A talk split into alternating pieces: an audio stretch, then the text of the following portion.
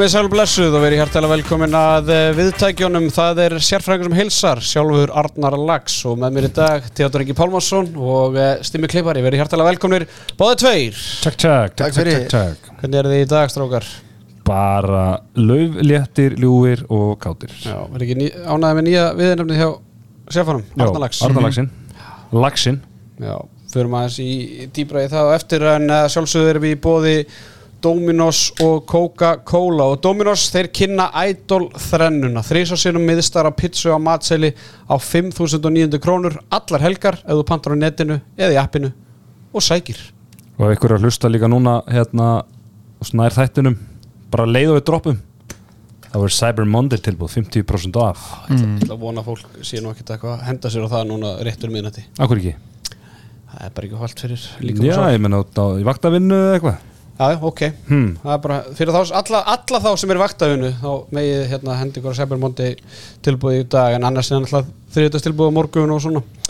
Var bílamiðstöðun Krókalsjö 7 þeir eru ennþá að jafna sig eftir og, tapið gegn Káa í síðustu umferð en uh, á sama tíma er þeir strax vartur undirbúa sig fyrir stórleikin og laugadaginn í Evrópu byggarnum þegar Valur tekur móti úkrænska stórveldinu Motor Sabra, Sabratsi Sabratsi En meiru það síðar, Ólís vinnur á vellinu, vinnur við veginn, Ólís vinnur handkassins vinnur hópur Ólís og ég veit hvað er að býða eftir krakka minnir, þið er að býða eftir því að styrmi tjáu sem það, það er ekki nema nokkri dagar í það að krossandið, Ég ég, nei, það hlýtur að vera áfram. Ég veit það ekki. Ég veit, þeir eru búin að móka því Er þetta og handbóltapassinu það verður framlengt? Já, bara hlýtur að vera Ja, menn, ég veit það ekki. Nei, ég menna, þú veist, þeir hljóta að vera í jólaskapi nema það komi kannski kaffi og eitthvað svona, eitthvað svona jólakaka með því eða eitthvað svo leiðis eitthvað svo leiðis, en menna þess að kaffi á 65 kall líka. Já, það er ég nýtti með það Já. Það er galið verð, sko. Það er Sturla, það er styrla gott að elska eins og maðurinn sagði. Þetta er fitnessport, eru með okkur sváir í fitnessport og strákinir þar það var allt brjálað hjá þeim um helgina en nú fer að styttast í desember og ég veit að hlustendur vilja fá ráð frá uh, Teddy. Teddy Pons. Herðu Who are you? Já, já, hver er Teddy Ponsa maður? Herðu, sko uh, Þetta er þrýþætt Ég ætla að mæla með uh, stu, Ég finna sjálfur að testin á mér er mjög lágur þessa dagana. Það er svona síþreita Þannig að ég er búinn að panta eitt stykki Anabolic Freak sem er svona testabúster ok.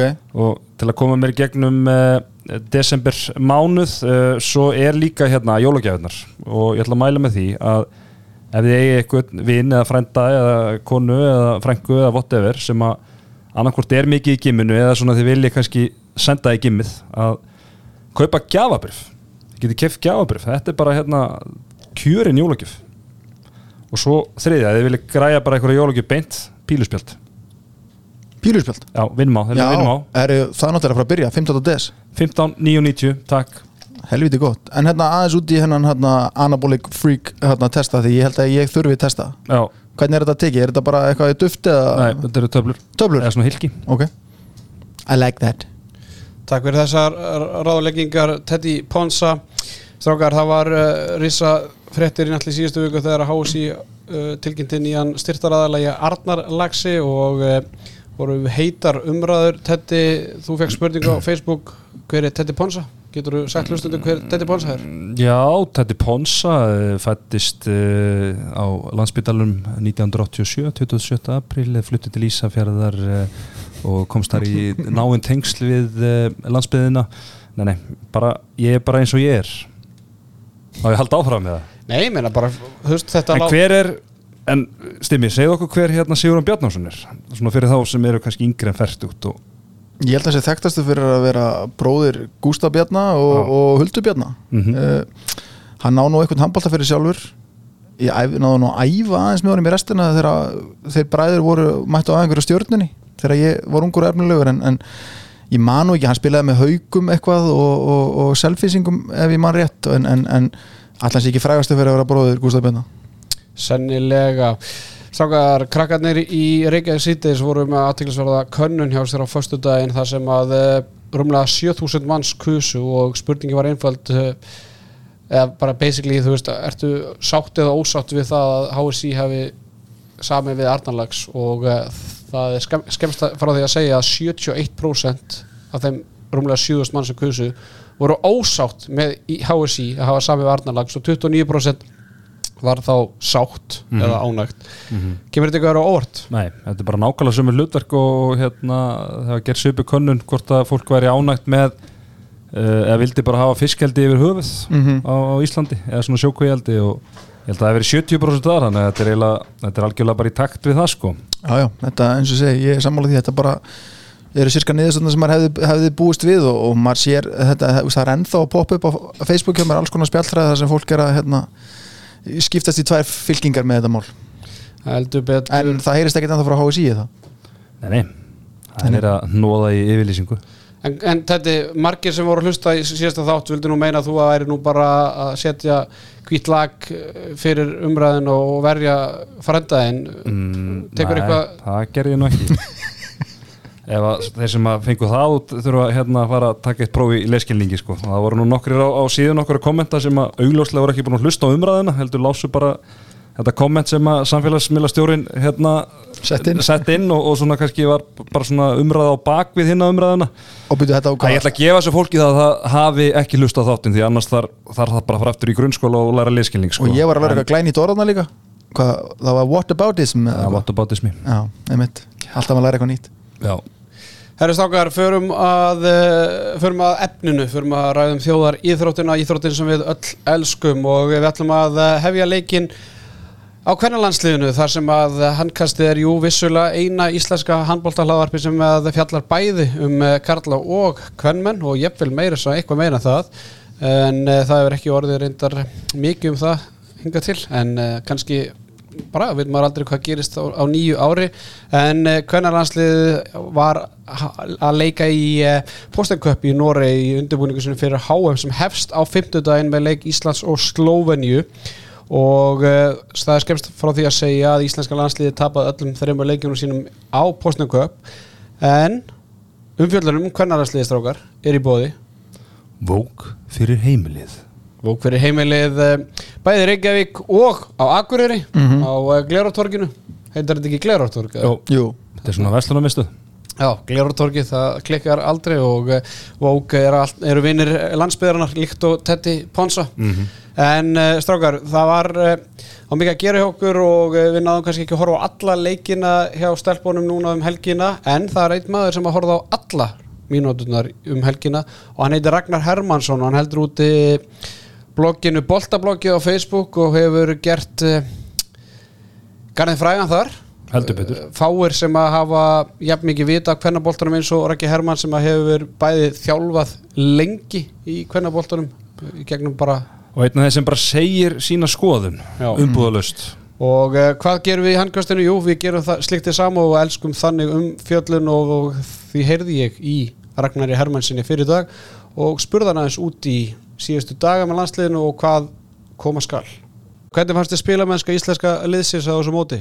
Ég horfði vel á þessa leiki og, og hérna, það var svona, það voru mjög margir jákvæðir kaplar þarna sem að hægt er að byggja á og, og kannski það sem að mér finnst þú skemmtilegast við þetta er bara svona hversu áhugaðsamur og, og, lifandi arnar er yfir öllu saman en, en hérna við erum til miklu vandra miðjumennur okkar geta ekki skotið utan að velli. Við erum eina skiptu vinstra megin og hérna hún svona skilar á, á, til mörgum hún Andrea. Mér finnst vant að beira frá bæði þig og díunni hinnum einn uh, hérna Markvarsla var undir pari í þangað til í fyrriháleik í leik 3 á móti Angóla nýtingin og hotnum sérstaklega vinstra hotni, mjög slæm og ég treysti mér fyrra til þess að velja, ég valdi svona úrvalskið á blokkinu hjá mér og ég gæti ekki valið mitt vinstri hotnamann, ég fannst engin góðu vinstri hotnamann vera í deildinni fyrra og, og mér fannst það sjást þarna úti. Og svo er við hérna bara í var, uh, sko, va- vandræðu með framlíkjandi vartaleik ef að leikmennir eru aktífur og sækja okkur út á nýju metra þá erum við miklu vandræðan uh, vartalega stóðum okkur ágætna og, og líður er sem sagt að hlaupa þeim tilbaka og hlaupa vel fram. Hraða miðjan er góð og, og við erum að skila okkur ofalega á völlin en, en við gerum bara alltaf mikið að tekna í þessum, þessum fæslum okkar. Akkurat, uh, var eitthvað svona sem kom þér óvart í þessum þrejum leikjum, eitthvað svona annarkvort jákvætt eða, eða neikvætt? Já, sko, óvart og ekki óvart, við höfum yfirleitt byggt okkar landslið þarna hvernig megin, þegar við höfum verið að ná góða morgun, þá höfum við byggt upp á, á, á góðri átt markvæsla að vera undir pari, ég hérna átti vona meiru þar, svo hérna eh, einhvern veginn eh, átti ég vona á kannski beittar í sótnarleik, þetta er hérna, í- Íslendingar eru miklu sérfræðingar í sótnarleik og og hérna við stöndum framalega í leikreiningu og hérna ég held að þetta þjálfara teimi sem við með okkur hérna úti er, er mjög gott í þeim þætti leiksis þannig að ég var svona vonast eftir beittari sóttaleg að því að við erum í vandræðum í þessu sem ég var að tala um á við erum ekki beinum að eina virkilega svona það er mjög bara andri að vera að fljóta eitthvað á marki þarna. Kalla eitthvað eitthvað engin tæki þar hún er ágætt í skipta. Mér varst vanta mikið upp á hjá T.E. hún komur óvart ég held að hún myndi vera öfluri Uh, og miðjumennir sem segir þeir skjóta ekkert á gólfi þegar þeir voru að skjóta á gólfi þá var þetta bara yfirleitt bara varin botti og, og tóð vandræði sko. Þannig að við þurfum að spila mjög agað og mjög skipulagt og hérna sækja mjög breytt og, og reyna og hérna lifa svolítið á því og svo línuspili. Við erum að skora í kringum hvað áttamörka utan í þessu þremmu leikjum til samans? Til saman já. Og það var bara eins og þetta við bara auðlesi hjá markmannunum og, og hérna og vördinni þetta Við erum að spila mútið mjög góðu liðum, við skulum ekki gleyma því og, þetta er hérna pólski markmaðurinn fór mjög illa með okkur, var alveg frábær í markinu og, og hérna og, og Norsarðin bara mjög sterkir varnalega, hérna duglegir að mæta okkur út á 8-9 metrum brjóta, hotnamennur ofsalega vel þjálfaðir í að koma í hérna á blindurliðina hjá normörunum og, og svo voru það með fína hávörð þannig yfir á miðsvæðinu. Að við áttum svo sem ekkert upp á dekk þar sko, en hérna en svona þeir leikmið sem að mér fannst standa sér vel, mér fannst Elin Jóna standa sér vel þegar hann fekk tækifæri. En hún var svo sem ekki að spila mikið. Uh, mér fannst svona að finna línuna mér fannst svona að sá leikmað sem er kannski mest í einhverjum alþjóðum klassa þegar að kemur að svona leikskilningi og, og, og öðru slíku.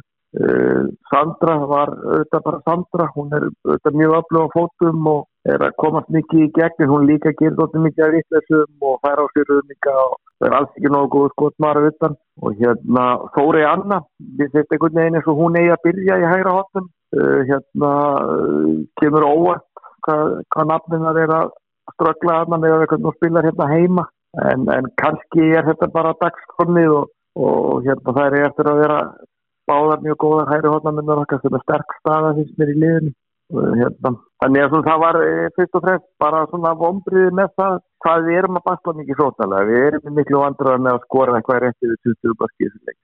Akkurat, uh, hvað svona, hvað telur að þjálfarteimi sé núna að leggja á núna síðustu dagana fram að móti og hvað þarf að laga? Ég meina, þú er náttúrulega búin að tala um það sem að gekk illa en ég veit ekki hvort að þjálfarteimi ná að laga þessi skota utan eða slíkt. Nei, sko, við erum þetta komnir að þessu gamla máli. Ég held að allir sem hafa tekið aðeins íslenska kvernalansliði síðastu ár sko halda þeir geti gert best betur hendur síðastu maður. Þetta sé alveg sko bjargkvöst trú hvers einasta þjálfara sem kemur inn að bara við það að hann lappi hann með styrknar að þá, þá lægist af hlutum en, en sko ég held að þessi að reyka sér svolítið á það núna. Ég er mjög hrifur af því sem Arthur er að gera og þetta er úrvaldsmenn sem eru með honum að núti að þú ert bara að reyna að spila sko á píano og það eru bara nokkra nótur sem eru bara ekkert að virka skildi og þú ert bara að spila á fjórum nótum í staða fyrir átta í tónstjóðum sko eða tólk hvernig sem menn telja það nú að, að hérna okkur vantar bara til og með varnalega við dekkum alltaf baki á línumannum við dekkum aldrei línumannin eða, eða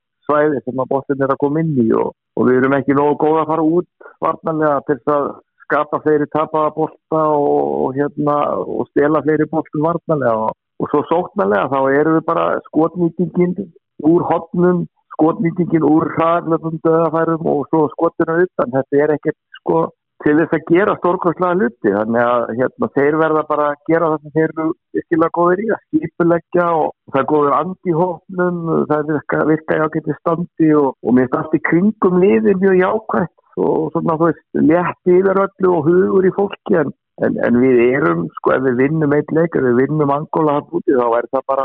Akkurat, bara svona rétt í lokina að þú minnist á hann að leikum átta Angola og, og, og tala svona um stemmingunni og opnum. Ég, skinnja einmitt að, að það sér létti yfir og, og það er svona, ég meina það er byrja mótið á mæta slóinni á fymtudaginn og fá síðan frakkana á laugadaginn en með svona skinnja eins og ústættaleikurinn sé Angola í, í loka umferðinni Við erum alltaf mættuðum núna í gæri í æfingarleik uh, telur að íslenska liði geti unnið Angola á HM og, og, og þar með náði sem fyrsta sigur á mótinu Ég, ég er ekkit sko eftir að þessu vantaði þarna, við skildist að það vantaði einhvern markmann eða markmann var góð hjá Angola í leiknum. Það er einhvern markmann inni sem, sem að sé, sé, sé einhver, einhver superspillari. Öðru leiti fannst mér þær vera sérstaklega sóknilega mjög kröfalegar en þær eru góðir í vörð. Það eru feikilega öfluga hérna niður í og sterkar maður og mann og, og það þarf alltaf að ganga upp til okkur til að vinna. En það er svona samt sem áður nálægt í að vera fyrst í fyrst í leik og fyrst mér eftir að hafa séðu til að spila. Við þakkum boltablogginu Ragnari Hermansinni kærlega fyrir þessa greiningu og uh, við erum uh, spenntir að fylgjast með stelpunum okkar í Noregi næstu vikurnar og eins og ég sagði áðan Vistland hefst á fymtudaginn þegar að Ísland tekur á móti Slóveníu klukkan 5 og á laugadaginn heldur síðan Vistland áfram á sama tíma klukkan 5 Ísland-Frakland og það er síðan á mánudaginn eins og ég var ekki tölum um áðan sem er svona leikurinn sem við erum að vonast til að íslenska liði geti sótt í sín stig. Það er á móti Angola. Og það er líka kláðan 5, það er ekkert verið að flækja þetta á háum hvenna 5-5-5 Góðu tími. Já, og uh, við munum að sjálfsögðu fara yfir fyrsta leikin í þætturum okkar á 50 daginn Slovenia Ísland og uh, eins og segja við bara sendum bara til hverður á íslensku, íslenska liðið og vonum bara eins og Raggi var að fara yfir að uh, skotin ekki verið betri fáum mörkað utan, vörni verið betri markmeðarnir þurfa að stíga upp og, og hérna hotna nýtingin þarf að vera betri Já, bara svona held yfir að vera aðeins betri Það er að fara leikin upp á næsta level Allir að skora meira og Já, verðist já. aðeins betur en, en þetta verður alveg, verður alveg virkilega erfitt verkefni og, og, töff. og, hérna kannski, þú veist eins og við, segja leikurinn sem við erum að horfa í er á mánudaginn við kannski reiknum ekki með að fá mikið út úr þessum leikjum á, á 15. og hvað þá á laugardag á móti frökkum Ég er uh, hrættur um það en uh, maður veit aldrei, handbólt er handbólt við sáum nú tvö mjög svo óvænt úslit í ólisteldin í, í Já. síðustu viku. Ég veit það að stelpunum munu nota það sem mótuveringu í, í næstu leiku Heldur betur. Horfa á Selfoss, greina selfisingana Já, og káa á móti val. Já. Herðu, förum í Evrópi byggar þar sem að fjögur íslensk lið voru í eldlíninu um helgina. Uh, Eitt lið er nú þegar falli úr leik. Byggarmestarar afturöldingu töpuðu tvívegis á móti Tatran Presov í Slovakjum helgina Afturölding ákvaða að selja heimalegi sinn og maður svona velti í fyrir sér strákar Tvö þryggjamarka töp á útöfald móti Slovakju Einn heimalegur, einn útilegur í Mosó. Þá bara 100% áfram, ég ætla bara að segja það. Það er að fara 100% áfram og þetta er eiginlega smá svona heilt yfir svolítið sorglegt hvernig þetta endar. Því að hérna eh, við sáum hvernig þeir snýru hérna einu við í Nóri eftir að hvað töfur ekki fimm, með fimm mörgum fyrirleiknum þar þarna þrjú mörg uh, og þessi lið austantjál sko þau ferðast yfirleitt verð heldur en, heldur en liðin svona aðeins vestar í, álfunni sko þannig að Já, ég er nokkuð við sem allt verðing hefði farið áfram og, og hérna uh, en bara þetta fyrsta verkefni var bara blóðut í kostnaði, eitthvað talað um þetta var eitthvað kringum 5 miljónir uh, og ég fekk nú skýslu frá öðru liði sem hefur verið að taka þátt í Európu og, og sem fannst þetta glórulust há fjárhæð, bara með við sína reynslu og bara hérna alveg nokkur ára aftur í tíman en, en það sem ég held að hafi svona talið mest það er þannig bæði að þeir fengu lítið í kassan í, í heimaleiknum og svo á móti að hérna Þú er náttúrulega með leikmenni svo andra helga. Leo sem að vilja ferðast í sagaklass. Það er sagaklass. Svona þetta er Noregur bara Já, til það er það sem ég ætla að koma. Það Já. er bara hótel og annað, það eru bara dýr í Noregi sko, þannig að þú flugir sér kannski eitthvað örlítið ódýrara. Eða þú veist, va- vanalega, þú veist, þeir náttúrulega fór í business classi sko, að hérna þá er bara gisting og svona dýr í Noregi og uppihald og annað, þannig að það er sennilega svona gert að verkum að, að e, þetta var aðeins svo stór biti fyrir þá. En mér varst áhugavert í, frá sama manni hann sagði okkur að það eru allan að komna smá peningar í þetta. Er ekki, hvað, fáður ekki 5.000 eurur ef við komast eitthvað svolítið Já. svo milli umferða? Jú. þó að sé ekki, þú veist, það er allan eitthvað upp í til þess að svona, kannski, hvað, þetta er rétt undir miljónuna Já, þetta er, Sjö- þetta er 700 750 750, 750 Já, þetta er einu hálf þá fyrir tværum fyrir eða þú veist, þau var ekki tværum fyrir. En menna allan að, þú veist, en ekki neitt. Já, já, en bara, já, en ég minna, svona er þetta bara, þú veist, það er allan að þurft, allan að, hérna, hefði verið ansi dýrt að, hérna, taka heimaleikin hérna og þá hefði allan þurft að, þurft að vinna hann og, og þá hefði bara komið að lagið og, og jari, jari. 28-25 og 27-24 ósigrar hjá aftur líka um helgina. Birgir Ben var markaðustu með 6 mörg í, í setjuleiknum og Átni Bræði með 6 mörg í þeim fyrri Blær Hinriksson skoraði 9 mörg samanlagt í, í báða leikjunum og, og Þorsteinn Lego 8 þannig að ég held svona að þegar þeir horfa tilbaka að þeir hefðu nú viljað fá meira frá Þorsteinn Lego en 8 mörg í tömu leikjum Já, hann er vannur að skora meira það á 60 myndum, hvað þá á 120, þannig að Já, alveg klálega heldur betur, en F-fáingarnir þeir eh, eru í góðum málum og nánast bara komnir með eh, báða fæturnar í 16. úrslitin eftir nýju marka sigur á móti belgiska liðinu Brokholt og uh, setnilegur fyrir fram í Belgíu á laugadagskvöldi klukka 19.15 á íslenskum tíma. Uh, Einar Bræði Aðarsteinsson var gjörsala Sturlaður í þessu leik með 11 fokking kvikindi og eh, Jóhannes Berg Andrason eh, með 7 mörg, Jakob Martin 6 og Jón Bjarni Ólafsson 4 Aron, hvar var Aron? spyr fólk. Á fæðingadildinni, skils mér og áspilt fyrir svona mittur Þetta var ungu strákanir En ég þeir að klára þess, þennan leik með nýju mörgum Já. þessari manna Já, já, en þeir voru með reynslubolta sem að var kannski ásand einar bræða maðurleiksins. Daniel Fyrir Andrisson var uh, frábær í þessu leik. 21 var skot og svona það er svona dróðsóldi tennurnar úr, úr belgónum, þeir eru ekki vanið þessu sko. Fá svona skrýmsli í andlitið. Það er há- hár rétt hjá þeir en ég meina þú veist, maður sá bara á hérna á, á, á þessum veðmála síðum og svona, það var línan á FH var hvað í kringum áttamörk Já, áttamörk og, og minna, Ísland og Belgia við þurfum bara, við, við getum bara að sé landsliðin og vitum að þessi belgiska deldi er töluvert læra að skrifa heldur en deldin okkar hérna heima. En það var sannlega auðvöldasta verkefnið af þessum fjórum íslendingarliðum Já, í þessar umferð. Heldur betur, uh, valsarnir fóru til Slovakíu eins og afturlengan spila móti ukrainsku liðu og unnu fjögra marka sigur 35-31 og setnileikur fyrir fram í Órikuhöllin á laugadaginn klukkan 6 Benedikt Gunnar Óskarsson, hann átti sannilega sin besta leiki í vetur og skoraði 11 mörg úr 17 skotum. Og Viktor Sigursson í sínum fyrsta Nei, þetta er ekki fyrsta Európa-leikurinn, þetta er önnur umferðin í Európa, mm. ekki? já, var með 6 mörgur, 9 skotum. Ísa Gustafsson 5 og aðrir minna, Magnús Óli Magnússon og Aron Dagur ferðust ekki með valsliðinu. Svo við greitum frá því síðasta þetta já, Magnús Óli fór í, í spröytu og baki og Aron Dagur var sennilega líka á fæðingadeildinni þannig að það verður Það fróldis eru hist félagarnir mögulega. Aron, Aron, í nafnarnir Aron, og Aron. Já, hver veit, hver veit en uh, við hvernig hlustendur að sjálfsögðu til að fjölmennu í Órikuhöllina á lögadaginn kl. 6 bara líkt og við erum búin að vera að þramma á síðustu vikur og að þetta er kostnæðsamt og uh, ég sé það núna samfélagsmiðlum og valsarnir alltaf hendi ykkur að veistlega eins og FH getur voru að gera núna á lögadaginn það var vel Frábær mætt mæting, við ætlum rétt að hún að vera aðeins betur mætt í Órikuhöllina heldur en í leiknum á móti Káa þar sem að ég taldi 13,5 í, í stúkunni. Það var alltaf alveg gjössanlega svaðalega dabur mætingin þar. Já, já, en við veitum hvernig valsarnir þeir mæta þeir eitthvað rundir. Já, já. Við sjáum það ekki fyrir í apríl. Þetta er samt svona, þetta er samt þannig tími og FH leikur var fjögur, þú veist, það er strax skára þú veist, það er bara mikil daskara núna veist, ég, ég áttur að sjá það en, en bara vonandi Það er alltaf sína Ísland, Ísland Frakland á okkur risatjaldi og okkur Já, svona við það verður alveg umgjörð og svona já. en bara vonandi mætir fólkið Það verður fróld að sjá það þá mætir Henry Birgir, hvar er fólkið? Er fólk bara heima að grilla?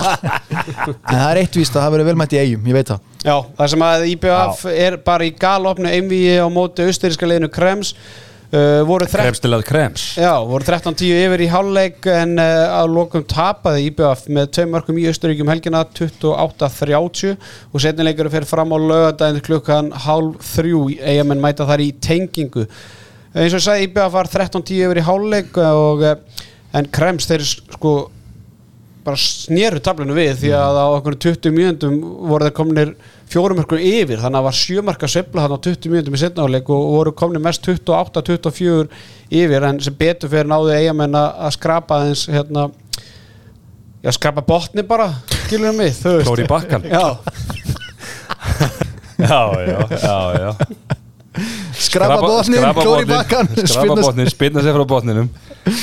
Sko ég, ég, ég lofa alltaf fólki hérna orðabók síðustu jól sem ég sveik. Og ég þarf að sýkja aftur þessi jól en ég lofa að kemur 24 þar sem að þú ert búin að blanda saman þreðin jafnvel fjórum málsáttum og orðatildækjum Bílasölunur að skvíla fólk. Það var að- sko setni bylginni fyrra sko það var ég þarf alveg bara að fá upptökur af þeim þáttum sko það eru svona 45 í bókina þar. Seitur Guttaði Rúnarsson var markastur. Eyjamanna með sjömörk í leiknum og Gauti Gunnarsson var fimm aðrir minna. Markvæslan ekki búið marka fisk í Eyjamunum þurfa að hafa- fá aðeins betri vörslu. Þeir þurfa að spilna sér frá botninum. Já, skrapa aðeins botnin. Þurfa að skrapa botnin þar. Pavel Miskovic var með 22% og Petar Jókanovic 29 var með 10 varða bolta samtast þeir þurfa að hendi 15 pluss til að eigamenn fari áfram en ég meina ef við erum bara sangjarnir F-fangarnir eru komnir áfram basically mm. -hmm. valsararnir í mjög góru stöðu Já. og eigamennir bara í, í fítnistöðu Mm Það er frábært að fá þrjúlið Það var ekki ekki Verður Magnús alveg með völsurum eða er þetta eitthvað svona, er hann frá eitthvað eftir þessa sprautu eða er þetta bara nokkri dagar? getur vel verið að verði með en, en ég bara Býtu, við erum í, erum við 32 eða 16? 32. 32 núna Fínt að fá þrjú í 16 lega Já, þá er bara að fara að nálgast að við fáum bara Íslendingaslag. Já, það væri nú, það væri nú gaman ha. Kannski að Það strákarnir í rýni skíkja hvað eru mikla prósentur á því þegar við erum búin að fá út úr þessu. Ah, Það er eitthvað að hækka takstan hérna sko. En hérna uh, uh, Það er allan fínt svona fyrir budduna hjá liðanum mm. Að fá- Já, fá, fá Það þurfa að spara heima Spara já Herðu, strákar, förum og hitum upp fyrir 11. umferðina í Ólís Deil Karla.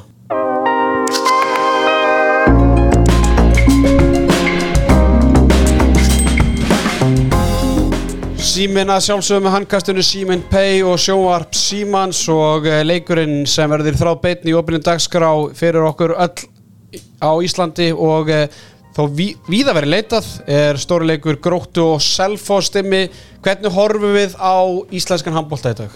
Herðu, við förum inn á Sjónvarp Símas appið eða bara inn á myndliklunum og þar förum við í handbóltabassan veljum kaupa áskrift og fyllum út allar nöðsynlegar upp, upp upplýsingar og þetta leiður okkur í gegnum þetta. Og við erum ekki rukku fyrir í desember. Þannig að þetta er síðasta umfyrir sem við horfum á frýtt Síðasta umferðin í þjóðar íþróttinu sem að við getum horta á frýtt og eftir það verður áskriftin 1290 krónur á mánuði sem er náttúrulega gjöfin ekki gjald, gróta selfóstetti, hvað eru að fara að sjá þarna? Vá, þetta er rosalegu leikur sko. Sjöstega leikur, Rosalegu leikur. Og þetta er á nesinu Grótt. Í er fallið. Víð er fallið en svona þeir hafa verið að hérna, uh, vinna þessi lið í, í hvað að segja svona, sem eru nær sér í þannig. Gróttu eru betra heimavelli, Já, það er bara- það er, það er bara þannig en bara, þú veist, við talaðum um þetta þú veist, að þetta er í hverju einustu umferð svona innbyrðisleikur á þessu liðum sem að við verðum í þessum fallpakka og, og bara, ég held að þetta veri lóskórin leikur, það er einu sem ég get þér. Það er bara svo svona undir, svona Undir 50, 52 mörg Já, er lítið skorað. Er alltaf mannstætti leiknum í fyrra.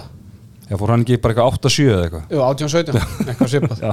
En e einmitt, þetta er náttúrulega þau lið sem eru í bullandi fallbaróttu Gróta er í tíundasæti deildarar með 6 stig og, og, og Selfoss er ennþá að skrapa botnin með 4 stig. Já, þarna notar þetta rétt. Og uh, unnu náttúrulega frækin sigur á haugum að heimavelli í síðust umferð þannig að þeir eru náttúrulega komið með smá sjálfströst og er ekki eini sigurleikurinn þeirra er náttúrulega mútið háká já, Það er HK. háká. útvelli þannig að, þannig að gróttan þeir, vann er, veist, þeir eru alveg á fínasta rönni sko, menn að fyrst er sigurleikurinn að kemur í sjöndu umferð og þeir eru komið tvo núna síðan þá hann, ég, ég, ég myndi segja að selfinsingin komi high flying inn í, inn í þennan leik.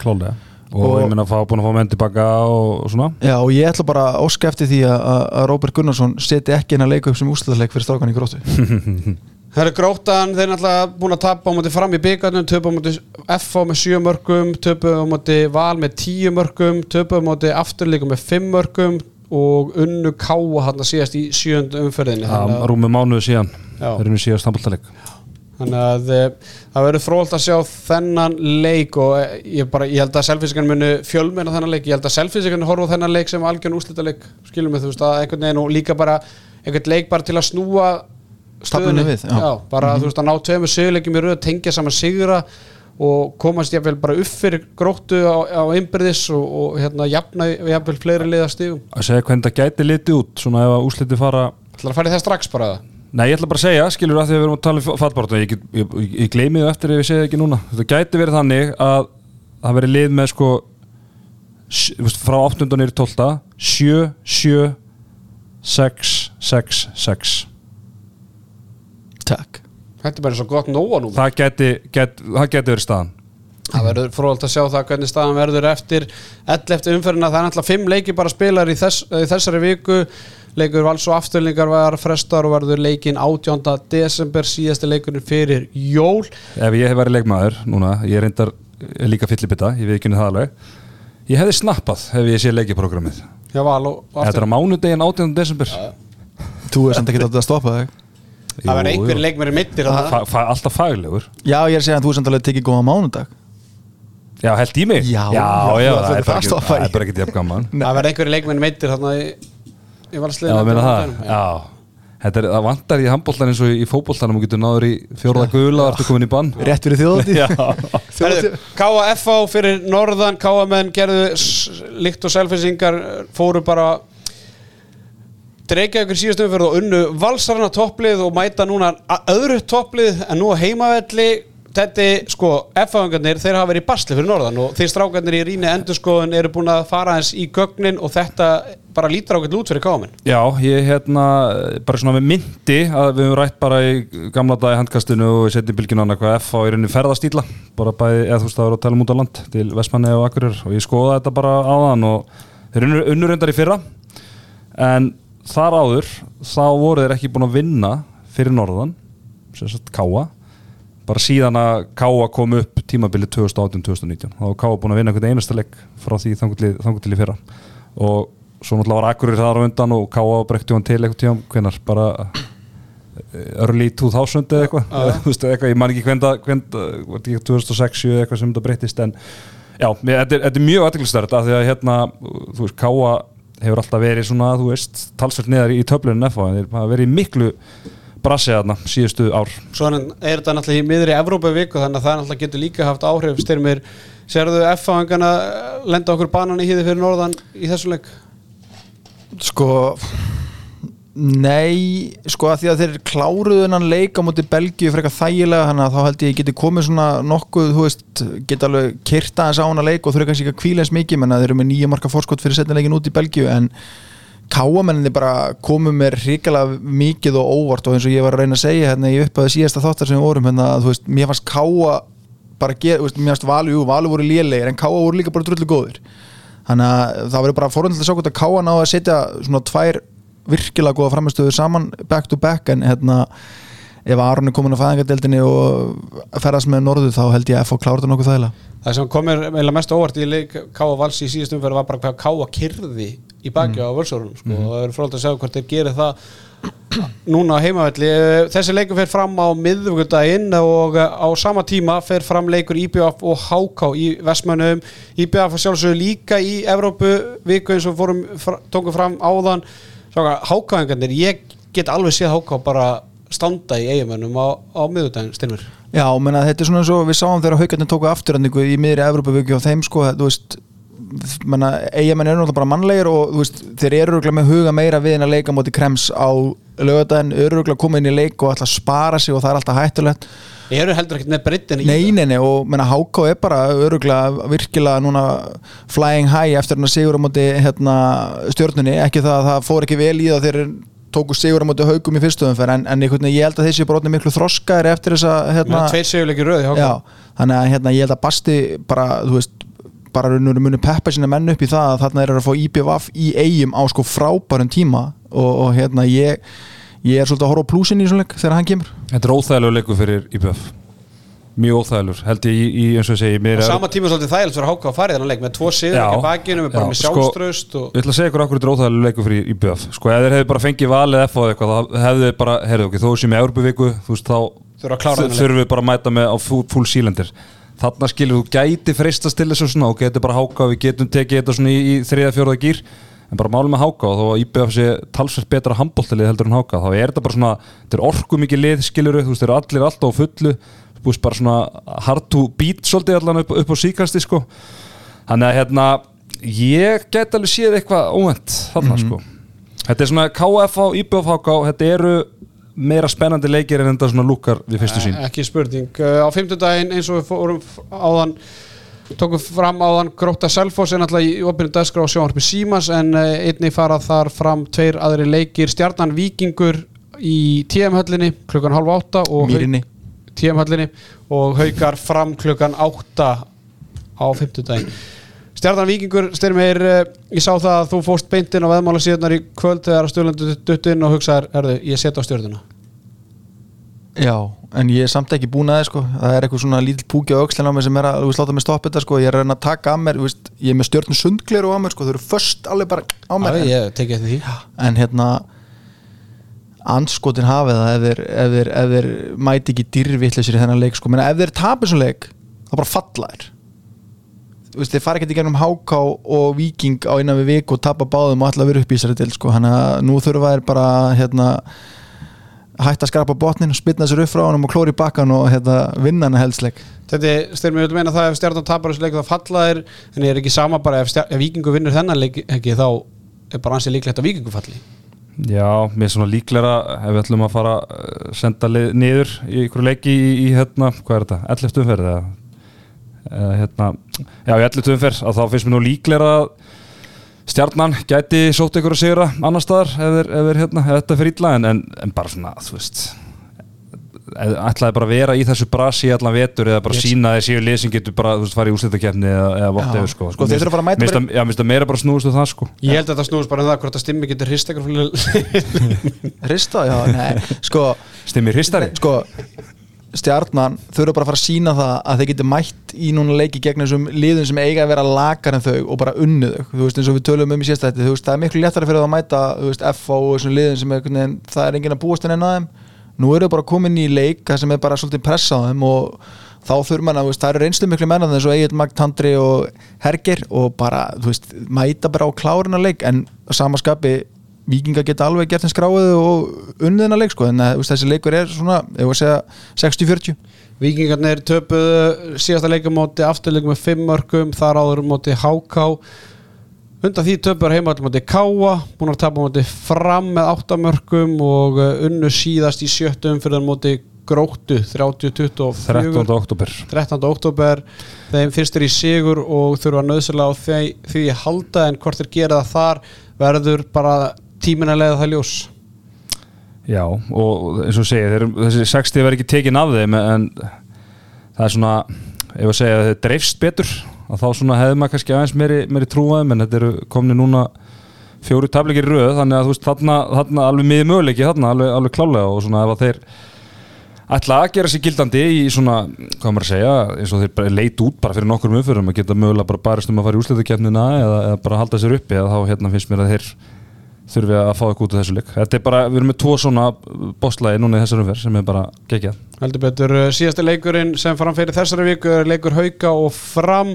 Haukarnir ætla að koma inn í þessa umferð eftir tapamóti Selfossi í síðustu umferð þar sem þeir voru bara með Pálmann í höndum sér þarna undir eða bara þegar setni hálfleikurinn var gott sem hálnaður og, og síðan bara skittur upp á bak. Já, skítum að bak, þeir voru gríðarlega ósátt með dómgæslana Gunnar Óli og Bjarki Bóa sem voru að dæma, þeir voru mjög ósátt með marga dóma þar og, og hérna fannst þetta að vera svona já, bara einhver leikur sem þeir bara gátt ekki unnið, einhvern veginn, þeir fannst alltaf á hotnum sér og, og hérna Guðmundur Bræði átti mjög svo erfiðan leik, bæði bara í só, sóknarlega og líka einhvern veginn í barátunni við dómarana og, og hérna Aron Rapp var náttúrulega ekki með Magnús Gunnar Karlsson var með einhverja sexvara bolta í, í fyrra hálfleik varði alla tuðuru í setna hálfleik og gæti ekki keift sér markvæslu þó hann hafi unnið eitthvað pókimót í hérna í síðustu viku sko framarnir þeir voru án Rúnars Kára og Láris Helga Ólafsson í síðasta leik samkvæmt ný, mínum nýjustu heimildum eru bara eru þær að þeir eru báðið tæpir Mhm. og eh, en ég meina með Rúnar Kára og Láris Helga í, í ham í þessu leik þá eru framarnir bara til alls líklegir þar að segja var Rafnverð ekki með? Já, ég myndi þú veist, fyrir mér er þetta bara mikilvægst að leiku fram á, á tímbilinu því að hérna, þetta er lið sem að er í baráttunni við og um, um 15 setið og hérna, eða vinna haugana þá er ég konið þrem stigum á undan bara svona smá breathing space og mér finnst einhvern veginn fram sko, framnar fjórða, fymta seti sko, það finnst mér það bara frábær árangur hjá, hjá þeim sko, þannig að ég held að þeir reyni allt til, a, til að ná að að tjastla þessum tveim saman og, og sérstaklega rúnari náttúrulega og hérna, og þeir eiga grótt í næsta leik sko, þannig að ég myndi frekar henda þeim í, í þennan leik og reyna þá frekar kannski að gefa þeim aðeins lengri kvíld Já. eftir það.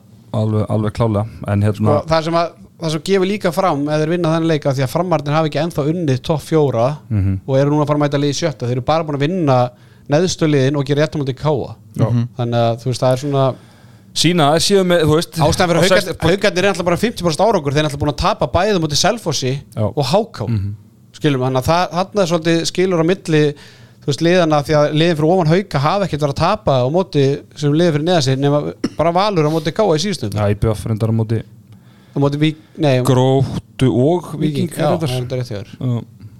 en allavega þú veist það verður frólt að sjá þetta og hérna og sama tíma, ég menn haugarnir get ekki verið að láta vorkina sér endalist að Aron Rapsi ekki með þeim þú veist það breytist ekkert. Nei, það, það breytist ekkert og ég minna ef að þetta er bara þannig meðsli við sáum að hérna, þetta held honum mjög lengi frá þannig að maður veit ekkert hvort hann kom í næsta leik eða bara ekki yfir höfuð skilur. Þannig að þeir þurfa bara að undirbúa sig undir það að það getur bara verið svismynd sem, að, sem er möguleiki. Þannig að bara rífa sér í gangi menn að Magnús er búin að fá hérna, fullt á tækifærum og hann þarf bara að stígu upp og, hérna, og bara vera betri sko. Eins og að síndi á í þá.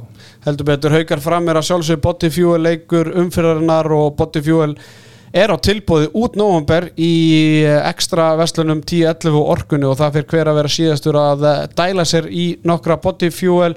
Þetta er drikkurinn sem að fólk er að tala um þessa Já. dagana. Þetta er bara the drink. Þetta er, eh, það vinnur gríðarlega vel á. Ég verði ekki að það, ég tek eitt Bodyfuel á dag. Ég líka. Já, ég tek 1-2 og þetta er svo mikið af hérna bræðtöndum að ég er svona rétt komin yfir að búin að prófa allt einu sinni. Þú eru upp á alls? Það er hérna eh, sem er svo tífulil, hérna hvað er það, Rocket. Á Ice Rocket. Ice Rocket. Já. og svo er hérna Patti the Batti líka mjög Það góður. er geðveikt sko. Hann sé bara andlit þessa drikjar Já, er trill sko. ekkert eðla hugulegu maður Geggjutýpa, Já. geggja hár. Herru, stimmi, Frábært. stimmi, fáum við seðil Já, sko, ég fekk skýr fyrirmæli frá Arnarita um að fáið koma með stuðlun 1,43 Uh, Nei, ég er búin að smíða eitt saman sem að er með stöðlun 8,96 Já, Ha, haldið ykkur fast? Já, ha, eru þið klárið í þetta? eða? Sko, ég ætla að segja að selfisingarnir fara út á neðas og vinni. Ég ætla að halda sundglörurum á mér og segja stjarnavinni vikinga Sjokker. Já, já Ég skal samt bara deila spjallin okkur eftir Arnardaði sammála mér. Nei, og svo ég, ég held að framvinni hauka. Já, er eitthvað sem segir mér að Rúnar og þeir verði með og Aron Rapp sé ennþá frá en veist, ég mæli bara með ef að fólk hefur eitthvað tengingar inn í þessi lið, kannið þetta þess aður menn að 2.40 og fram ef Aron Rapp er ekki með og Rúnar með, það er bara, þá er þetta allt annað leikur. Mhm. þannig að ég, veist, við vorum eitthvað að ræða fyrir þátt eitthvað HK 650 í eigum sko, ég bara það, það er alveg sexy sko en einhvern veginn samt eigamenn ekki seðli. Nei. Ekki sæli, þannig að ég ætla að þú veist, hann eru með Þetta er fram, fram stjarnan og Salfors Já, Já, Vá. Takk. Ég, eh, ég gefur, þú góða á þetta, ertu svona alveg svona Já, þú, ég- þú, þú, þú sér tækifæri í þessu? Ég sé tækifæri Niður möguleiki. Miðið möguleiki. Það er bara þannig. En það ætla að vera ekki stjórnum sem klúru þessu? Það Líklegt. kemur ekkert oft. Þá betta ég aldrei aftur á. Og svo er náttúrulega aldrei og sofa lýsir ekki gróttunni fleiri, og lýsir ekki fleiri leikjum. Aldrei sofa gróttunni í Ný. gróttunni sko. Nei, Grótt er alltaf gróttu í gróttu. Já, Heldur betur. gleymist. Herðu, tix.is, bestu jólagjafarnar í ár fást á tix.is Jóla, jólatónleikafárið það eh, er hafið og eh, verður síðan bara stigmagnast með hverjum deginu við desember og eh, flestir bestu jólatónleikarnir eru til sölu á tix.is Hvað er upp á jólalæði ykkar? Svona jólatónleikalæði Það er jólahjól Aha. ég var alltaf vindur. ha, Nei, ég er svolítið hérna. Geimferðalangur eða eitthvað hérna með frostrósum eitthvað Na na na na na na na Já, ég er meira eifur vindur og dansaðu Já, vindur en svo er það hérna út, út, útlenska hérna Chestnuts Roasting on an Open Fire hvað heitir afturlæðið? Herðu, farið í krafturöðum En ekki? Vist þetta að vera besta jólaði? Já, þetta er gett Herru, krafturöðin í bóði tix.is Segðu fólki hvað krafturöðin er þetta? uh, Þá vorum við að segja bara svona röðina á liðunum eins og okkur finnst hún í dag, bara svona styrkleika liðan í dag og það sem okkur finnst líklegast að þau endi í lok tímabils en ekki endilega eins og staðan er akkurat núna. Akkurat, og ég gerði þessa krafturöðin strákar því með að vera sammála eða ósammála. Rennum hrætti í gegnum þetta. FH er besta liðið í Ólisteil Karla eins og staðan er í dag. Valsararnir eru næst besta liðið í Ólisteil Karla eins og staðan er núna. Afturölding það þriðja besta. IBF, fjóraða besta liðið. Haukar, fymta, liða, fymta besta liðið. Fram, sjötta besta og takk eftir á 50 daginn getur þetta auðvitað breyst því að mm. framarði vinna haugana þá náttúrulega er þeir automatík komin fyrir ofan haugana í krafturöðinni Káa, sjönda besta liðið. Nýlegar HK er áttunda besta liðið í dag. Stjarnan, níunda besta liðið. Selfoss, tíunda besta liðið. Gróta 11. besta liðið. Þannig er náttúrulega tíunda 11. bestu liðin er að mætast í þessar umferð. Og e, þeir sem skrapa botnin eru síðan nýlegar vikings Strákar, e, eitthvað sem að stingur ykkur augun? Nei, það er svona tvent sem að maður geti mögulega argjóð sko. Uh, mér finnst bara afturhaldið og valur svona eiginlega orðið bara smá debatable. Hvort er næst besta? Mér finnst bara afturhaldið líta eða svona búin að líta það vel út upp á, upp á síkastið og svona þetta tapja á valamóti K og þetta svona er, er, er mann í fesku minni. Og svo er þetta svona spurning með HK og stjörnuna. Jú, vissulega eins og HK er búið að spila upp á síkastið en mér finnst bara stjarnan að vera það mikið underachieving lið að ég hef svona ennþá trú að þeir endi áttundasæti þegar tímabilið Það er samt, það, það er oft bara blekki mann þegar maður heldur að eitthvað Ég veit það og svo náttúrulega bara kemur 15. umferð og, og, og það gerist ekki neitt sko, eftir sem að líður lengur tímabilið þá náttúrulega bara hefur maður minni trú að því að eftir þessa, þessa umferðu þetta klárust ekki fyrir 18. desember þá er bara móti hálnað þá allir spilað þú veist, á móti ykkur öðrum þannig að það er ekkert að segja það eitthvað en þá, en þá, en þá hérna það er ekkert ólíklegt að við verðum í jafnmur stig eftir næstu umferð. Þið fyrir ekki að Teddy komst í hvað er með þetta aftur? Nei, nei, ég horfi bara á budgetið. Mér finnst bara háka Ég horfði bara á budget, ég Mér finnst háka bara miklu betra tímabili sko. Já, ég er alveg sammála því. Ég, ég er ekki ósammála sko. Ég er bara að tala um út frá svona uh, hvað liðin eiga inni Er ekki, en kannski svo er bara, þú veist, svo kannski bara ná, ná menn því fram eða ekki Það er án aldrei neitt Nei, inni er ekki háka á hástakkurar vikunar á þessum kraftlöðunarlista? Þeir fóru ekki úr 12 upp í 8. Við vorum með á neðsta síðast eða ekki? Já. Þetta er alveg Þeir séu leikir röð, þetta er fljótt að gerast en hérna uh, lágstökkarar vikunar eru bæði grótt og vikingur þau voru kvoru í fallseti, við vorum með Háka og Selfoss í fallsetum síðast við gerum þetta voru ekki með Selfoss næsta Jú, HK? gæti- Nei, að þeir maður voru- ekki. já. en sko eins og ég nefndi um daginn Nei, var þetta ekki eftir að Selfoss vann háká Jú, það getur verið, jú, jú, það er rétt. En hérna, góð félagi minn nefndi við mig um daginn að að honum finnst gróta líklegasti til að Það finnst þeir bara annað tvekja líklega til að falla. Þess, á þeim tölum sem er líklegast til að falla. Og mér fannst það svona, já, en svo er þetta bara smá að raungerast eða svona, síðustu umferðir að ég er eiginlega bara að vera sammálaði sko. Mér finnst það bara, þú veist, ef þeir væri ekki með hann heimavöll þá Já. veit maður ekki hverju það er þetta að treysta á. Ein, Eina baldun Já, já, en En svo er þetta svo er þetta hauka fram, það er svolítið þú veist, ef framvinnu haukana konum með þryggjast eða fúrstáð þá, eins og þú nefndir þá er fram alltaf fyrir í þessari á þessu lista. Ekki spurning. Sá, það var dreigði áttalega úrslitum í Powerade byggarnum í dag bæði kall og kvennamein og uh, það er hægt að vægast hægt að segja það þá verður stórleikur í áttalega úrslitum kvennamein í ár þar sem að tvö toppliðin mætast í orikuhöllinu Valur og Haukar.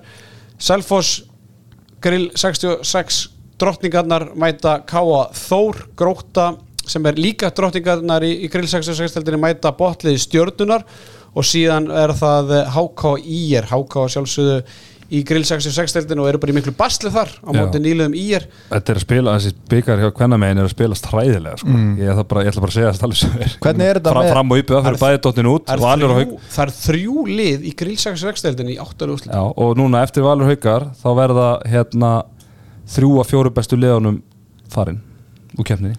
Og hvernig er það með meðslinni á Elin? ekki svo á er, Selfoss liðinu. Nei, er hún lengi frá? fyrstu Er hún lengi frá hún Elin Klara? Þú veist, með svona öklameðsli, ég þekki það bara ekki hún verður klár eftir ármót Á, ok, þannig að- Já, hún er- hún er- þannig að þetta verður leikur. Já, já. Já, Hvenær sagðir- hvenær er þetta að spila? Er þetta í februar eða? það fylgdi ekki sögunni. Nei. það fylgdi bara ekki sögunni strákar. Það er bara Það lemur í kjós, við munum fjalla um það þegar það er að kemur, það er einu sem skiptir Við máli. býðum eftir yfirlýsingu frá HSI með hvernig þessi leiki verða. Já, það er, verður spilað, jú, 7. februar ef að eh, Selfoss, ég held að þeir vinni Káþór þó þessi deildniðar uh, Sissi fær reysupassan ef hann klárar ekki gróttu Já, uh, Valur Haukar, þú veist bara hörkuleikur, reynum með að Valur klára það og ég er vinnur háká Mhm. Þetta er Selfoss stjarnan Valur Þetta ég vil fá Selfoss. Í, í úslit þar verður alltaf fjölmennt og mikil Já. stemming og síðan verður þetta annarkvort valur og haukar þannig að eh, við, erum- við skulum bara sleppa því að spila áttur úslitun og fyrir bara beint í úslitaleikin Takk. Kalla megin þar er líka stórleikur. Og uh, byrjum á valur Selfoss stjarnan Káa IBF afturling í eigum og haldið ykkur fastrákar haukar FH Þetta er ekkert eitthvað grillkjátaði sko. Hann er bara enginn með barbecue. Þetta er alvöru. Ég meina þetta eru þetta eru nánast svona áttabestu liðin. Nánast. Hvað vantar þarna? Vantar fram nú vantar fram bara.